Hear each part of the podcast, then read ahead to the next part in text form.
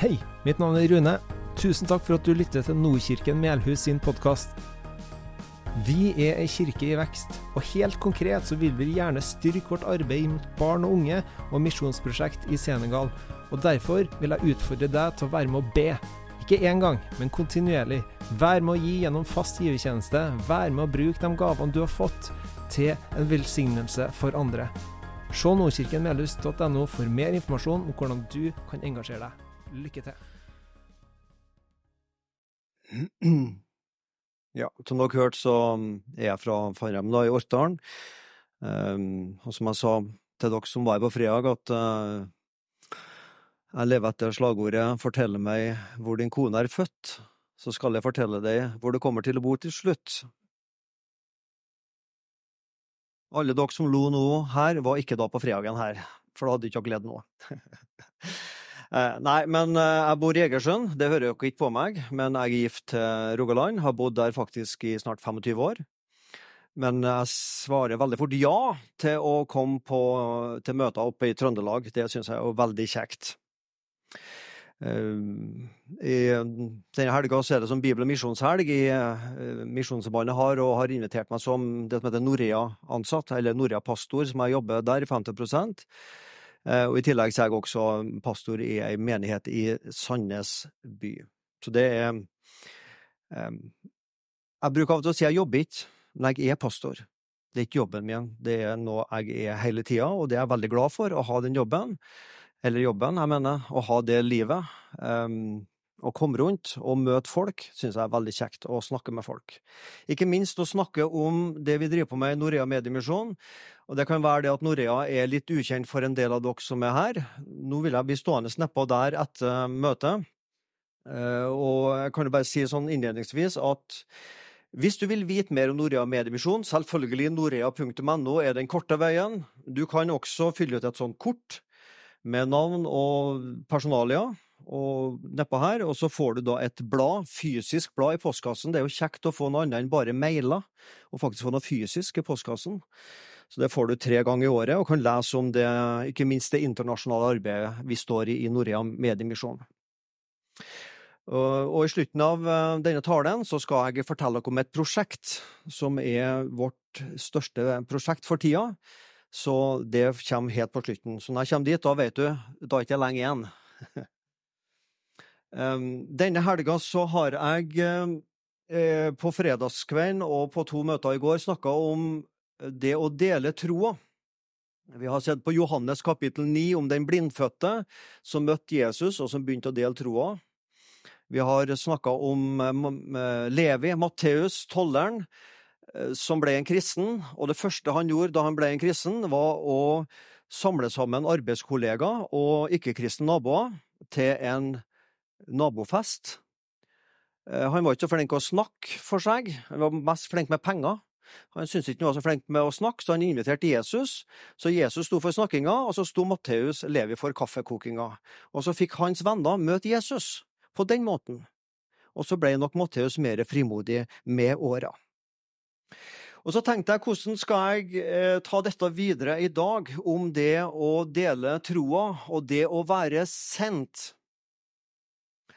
Og jeg valgte å ta utgangspunkt det i det som er dagens prekentekst, som er satt opp, og det er Johannes kapittel 12, vers 12–24. Og vi skal se på noen prinsipper der eh, etterpå.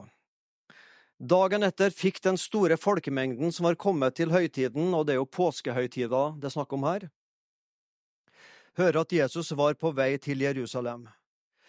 Da tok de palmegrener og gikk ut for å møte ham, og de ropte Hosianna. Velsignet være Han som kommer i Herrens navn, Israels konge. Jesus fant et uh, ungt esel og satte seg på det som det står skrevet, Frykt ikke Sions datter, se din konge kommer sittende på en eselfole. Dette skjønte ikke disiplene hans fra først av, men da Jesus var blitt herliggjort, da mintes de at dette var skrevet om ham, og at de hadde gjort dette for ham.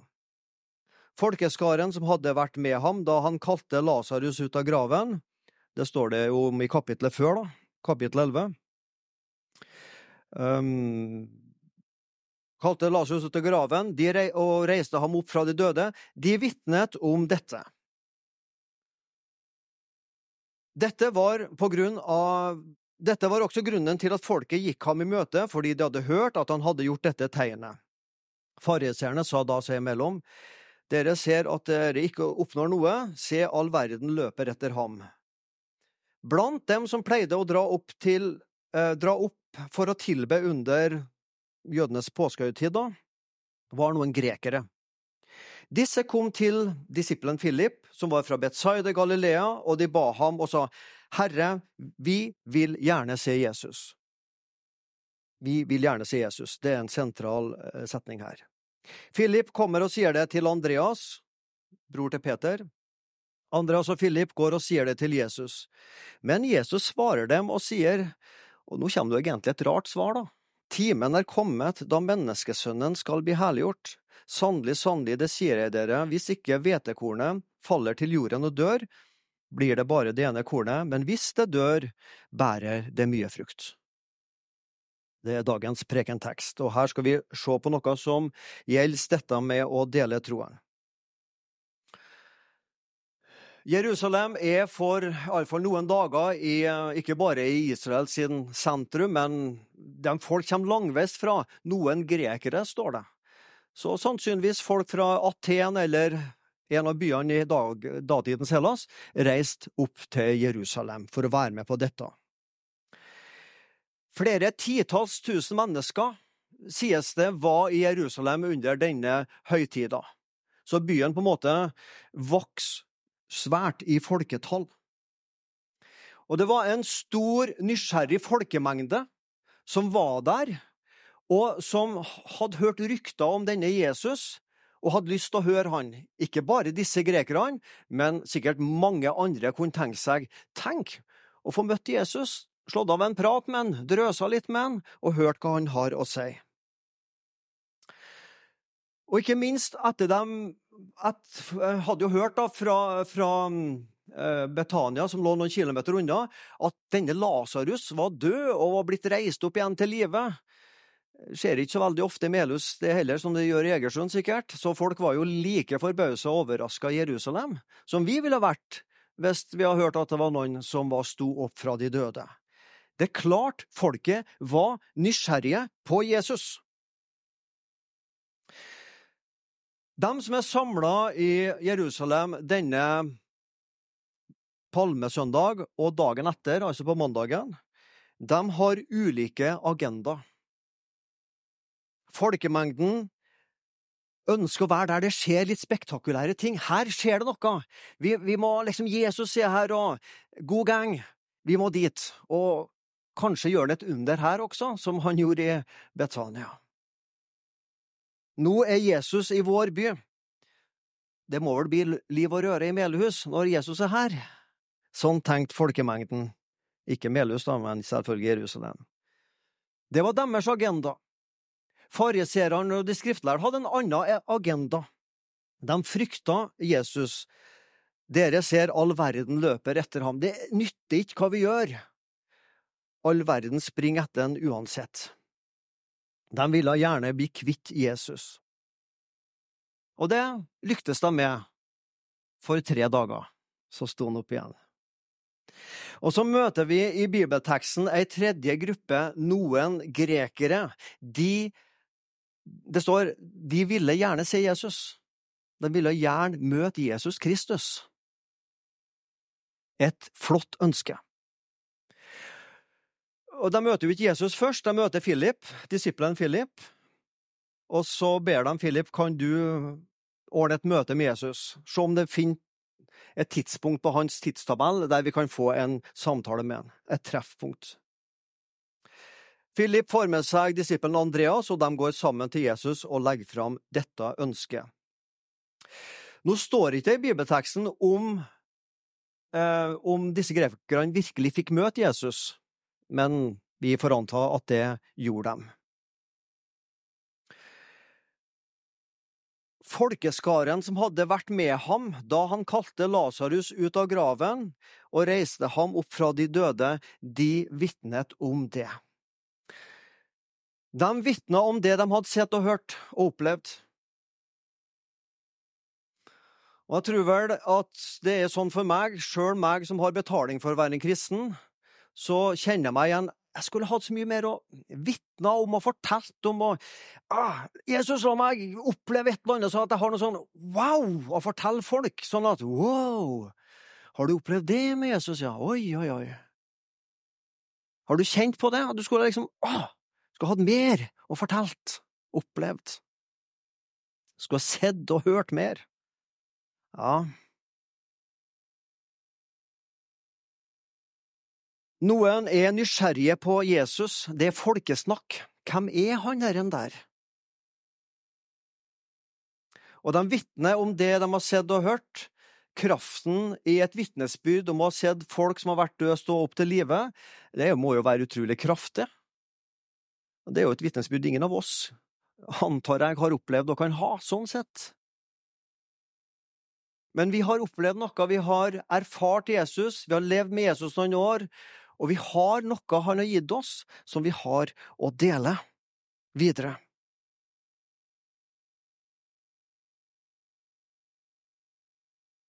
Vi skal prøve å leve oss litt inni denne møtet mellom grekerne og Philip. Og det jeg sier nå, det står jo selvfølgelig ikke i teksten, men det har et poeng. La oss tenke La oss tenke følgende um, Eller, før vi går dit, la oss tenke at du og jeg var dem som sto der når grekerne kom. Vi vil gjerne møte Jesus. Hva ville du ha svart? Hva ville du ha svart da? Eller hvis din ikke-kristne nabo i dag, eller i morgen, eller i løpet av uka som kommer, spør deg Kan du fortelle meg hva kristendom handler om? Kan du fortelle meg veien til Jesus, til tro på Jesus? Hva vil du svare da? Jeg lurer på om du kan forklare meg hva kristendom går ut på. Hvis jeg blir en kristen, hva må jeg da gjøre? Vi skulle gjerne hatt flere sånne spørsmål, men la oss si at vi får det. Og Jeg tror at iallfall jeg og jeg tror de fleste av oss ville ha sagt noe om at ja, vi skal tro på Jesus og bekjenne synd, og det er viktig å lese i Bibelen, og det er viktig å be og gå på kristne møter. Ja, rett og alt er viktige ting, det. Jeg tror vi vet noe om hva vi skal si, men jeg tror for mange av oss er utfordringen å få sagt det uten å høres ut som en telefonselger som leser opp et ferdig manuskript som han presenterer til dem han ringer til. For dem har du hatt på tråden, telefonselgerne, og du hører med en gang når de skrur på plata, du hører at nå leser de opp noe som de er Det skal du si. Ingen amen på det? Ingen har opplevd det? Nei, jeg har opplevd det. Uh, jeg tror der har vi en utfordring som troende, å få snakke om Jesus og kristentroa på en sånn måte at ikke folk tenker at oi, han har pugga noen setninger utenat for at det skal høres veldig fint og flott og teologisk rett ut. Det er viktig at det er teologisk rett, for all del. Men oppleves det naturlig, oppleves det ærlig? Hva ville du ha svart? Nå skal vi gå enda et hakk videre. Den som eventuelt kommer og spør deg, kan du fortelle meg om den kristne tro og hvordan jeg skal bli kristen? Hva ligger bak det spørsmålet? Er det at det mennesket er i veldig syndenød og trenger å møte en, en hellig, rettferdig, forsonende Gud? Håper jo det. Men det er ikke sikkert at det er det som ligger øverst hos den personen som spør.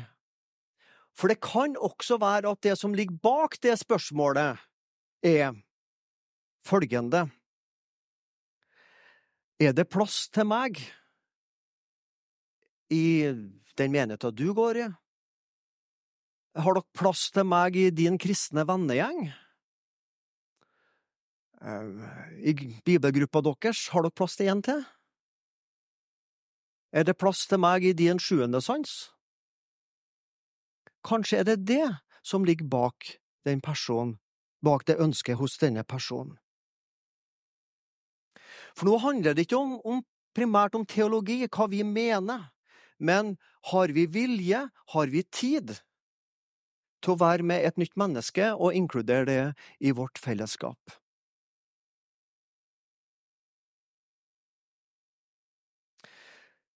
Tilbake til Philip, møter grekerne. De legger fram sitt ønske, kan vi få møte Jesus? Og så går han og får med seg Andreas og så videre til Jesus. Tenk om Philip hadde svart følgende. Altså, Grekerne spør kan du vise oss Jesus, og så svarer Philip ehm, det passer egentlig litt dårlig i dag.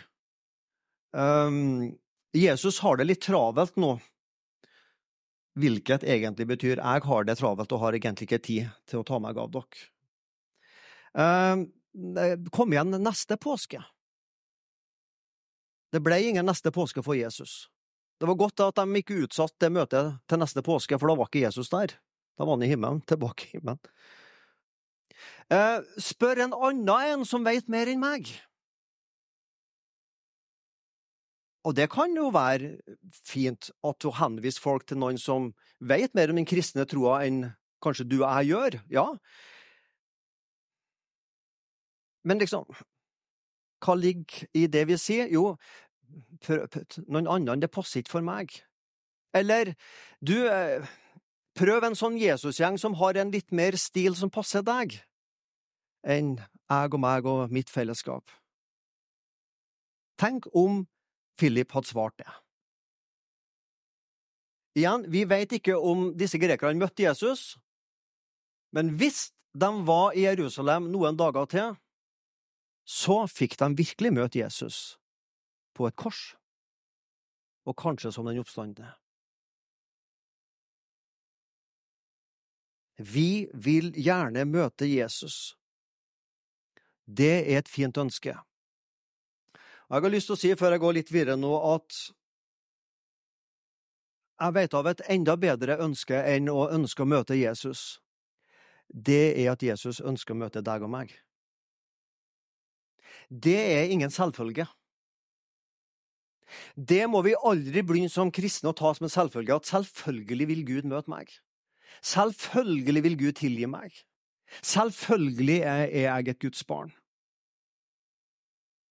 Og det, det, jeg sier nå, handler ikke om jeg vil ta fra deg frelsesvissheten, men jeg er så redd for at kristendom skal bli en selvfølge.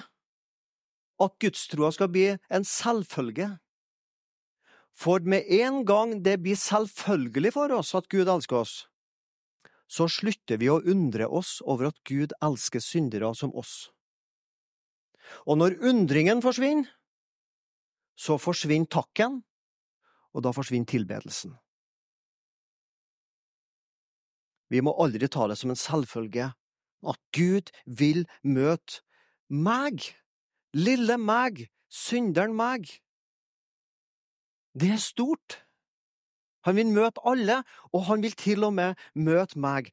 Gud har plass i sin sjuende sans, i sitt fellesskap, til syndere og tollere som deg og meg.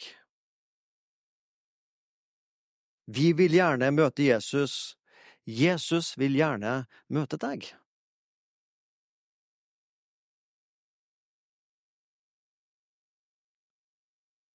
Så går Andreas og Philip til Jesus og legger fram ønskespørsmålet. Vi har noen Jesus. Her er det mulighet for kirkevekst, Jesus. Her er det en gjeng som kan bli med. Nå har vi virkelig sjansen her til å liksom få evangeliet ut tilbake til Aten. og liksom, Wow, nå er vi noe stort på gang, Jesus. Og Det svaret Jesus gir, det er det som vi før i tida kalte god dag, mann, økseskaftsvar. Altså, skjønte ikke Jesus hva vi spor om? Han begynner å snakke om da hvetekorn og skal legges i jorda og dø. Hva i all verden er det Jesus mener? ja. Hvordan blir liv til? Du og meg, det vet vi. Litt liv pluss litt liv er lik mer liv. En sædcelle pluss eggcelle er lik mer liv. Det vet alle. hvordan blir åndelig liv til? Litt gudsliv pluss litt gode gjerninger fra meg er lik frelse? Nei. Åndelig liv blir til på en annen måte enn menneskelig liv. Åndelig liv blir først til når noe først dør. Uten en død, ingen liv. Det er det Jesus sier. Nå er timen kommet. Nå skal dere virkelig få se hva det vil si å møte Gud. Det er å møte døden. Korsets død. Av og til så kan jeg ta meg sjøl og, og, høre andre kan si dette uttrykket livet er herlig. Eh? Livet er herlig. Ikke alltid, men av og til er livet herlig, heldigvis. Jesus sier døden er herlig. Døden er herlig. Høres rart ut. Timen er kommet da menneskesønnen skal bli herliggjort. Hva slags time snakker Jesus om? Er det klokka mellom klokka fire og fem? Nei, det er han snakker ikke om en klokketime, men han snakker om en Dette er denne tiden i Guds tanke der mennesket skal få se Guds herlighet. Og den timen Jesus snakker om, er korsets time. Der skulle mennesket få se Guds herlighet. Jesaja 53, 2-3 Snakk om denne timen. Han hadde ingen skikkelse og ingen herlighet. Vi så ham, men han hadde ikke et utseende så vi kunne ha vår lyst til ham. Foraktet var han og forlatt av mennesker, en smertenes mann vel kjent med sykdom. Han var som en som folk skjuler sitt åsyn for, foraktet, og vi aktet han for ingenting. Hvis vi spør et PR-byrå Lag en god reklame for kristendom som vi skal presentere til våre naboer. Lag en sånn skikkelig god slagord og PR-kampanje for den kristne troa. Jeg vet ikke hva et verdslig PR-byrå ville ha laga, men hva om vi har sagt lag et god reklamesak for den kristne tro, men vi skal ha med kors, vi skal ha med om Guds dom over synd, det må være med. Og soning og blod. Hvordan skal vi få til en skikkelig sånn som går viralt på Facebook om blod og død og vold og soning og sånn? Det selger ikke, ville sannsynligvis PR-byrået sagt. Nei, men vi kommer ikke utenom dette hvis vi skal presentere et sant og rett bilde av den kristne tro til våre ikke-kristne naboer. En blodfattig kristendom uten korset og soninga, det er egentlig ingen kristendom. Hva slags herlighet var det disse grekerne fikk se på langfredag? De fikk se en forslått, forpina mann. Dette er også en del av det vi bærer med oss, som vi på en vis måte ønsker å presentere for vår ikke-kristne nabo. Vi starter sikkert ikke der etter to og tre og fire minutter. Nei. Men hvis vi hopper over det, da har vi liksom hoppa over sentrum i den kristne troa.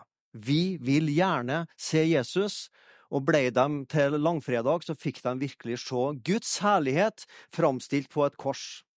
Og venta de to dager til, før de tok flyet tilbake til Aten eller båten eller hva de gjorde, så fikk de kanskje også oppleve å møte den oppstandende Herre Jesus Kristus. Vi er kalt til å dele troa.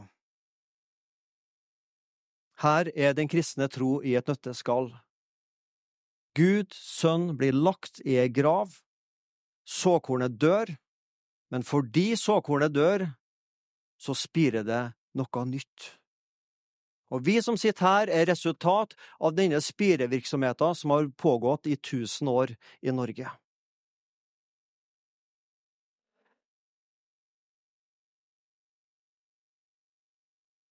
Min utfordring til deg er tenk gjennom hva vil du svare den dagen din kristne, ikke-kristne nabo eller arbeidskollega eller studiekamerat spør deg hva går kristendommen ut på? Hvorfor tror du på Jesus? Hvorfor bør jeg bli en kristen? Hva vil du da svare? Og har du det svaret liksom klart, uten at det høres ut som du leser opp et ferdigpugga svar, da har du god ammunisjon. Nei, det var feil eh, bilde, men du skjønner poenget. Da har du noe godt å komme med, som treffer veldig godt. Så må det være personlig, egenopplevd. Og som jeg sa på fredagen, med den blindfødte som Jesus helbreda, og han møter fariseerne, og fariseeren spør han, som da var blindfødt, som nå ser, hva har skjedd med deg? Hvem var det som gjorde dette? Ja, det var visst en som heter Jesus, jeg vet ikke mye om han, men jeg vet én ting. Jeg var blind, jeg møtte Jesus, og nå ser jeg. Jeg var blind. Jeg møtte Jesus, og nå ser jeg. Sakkeus. Jeg elska penger og lure penger av folk. Så møtte jeg Jesus, og nå elsker jeg å gi penger til folk. Dele ut av det jeg har. Paulus. Før jeg møtte Jesus, livet mitt handler om å bygge opp min egen rettferdighet. Så møtte jeg korset, oppstandelser, og nå lever jeg i Guds rettferdighet. Kvinna grep ei hor. Mitt liv, det var fornedrelse, det var skam. Så møtte jeg Jesus. Nå har jeg fått et liv i verdighet. Hva er din historie? Når du har den klar, så har du noe å bære med deg til din ikke-kristne nabo og arbeidskollega. Vi skal straks se en liten filmsnutt, og den varer ikke lenger enn ett og et halvt minutt. Vi i Norea er opptatt av å nå ut med dette budskapet til hele verden. Og Jeg kunne hatt veldig lyst til å stå her i én time og snakke om det, det skal ikke jeg gjøre. Men jeg har lyst veldig kort å fortelle dere om vår største satsing nå for tida, og egentlig vår største satsing gjennom tidene. Og Det var en, eh, en som reiste ut, en misjonarektepar som reiste ut til Tanzania for Misjonssambandet. og Han mannen han er veldig flink med film. Han har fått priser i Norge for animasjon. Flåklypa, Grand Prix, Avatar Det er sånn animasjonsfilmer. Han, han er rådyktig. Han begynte å lage små filmsnutter for søndagsskoleopplegg i Tanzania. Så kom vi i Norea inn i dette prosjektet, og nå skal det lages 6-27 episoder på 12 minutter hver om bibelske personer og hendelser som, er, eh, som omtales både i Bibelen da, og i Koranen. For tanken her er at dette skal være et verktøy som skal nå ikke minst muslimske barn i Øst-Afrika. Så det spilles inn på swahili, som da er språket i Øst-Afrika. Så skal vi dubbe det til somali, vi skal dubbe det til arabisk, til tyrkisk. Eh, og det kan dubbes til norsk òg, for den saks skyld. Eh, det heter Arven etter Adam. Og hvis du går på YouTube-kanalen til Norea Medmisjon, så kan du nå se de tre første episodene av eh, Arven etter Adam. Og vi legger ut nye episoder når vi har penger til det. Hver episode koster en halv million kroner å finansiere, faktisk. Og vi skal finansiere 26 episoder. Men bare for at du skal få en liten smakebit hva dette er, så sier jeg takk for meg nå med å vise dere denne filmsnutten fra animasjonsserien Arven etter Adam, og jeg blir stående der etterpå og jeg kan si mer om det da.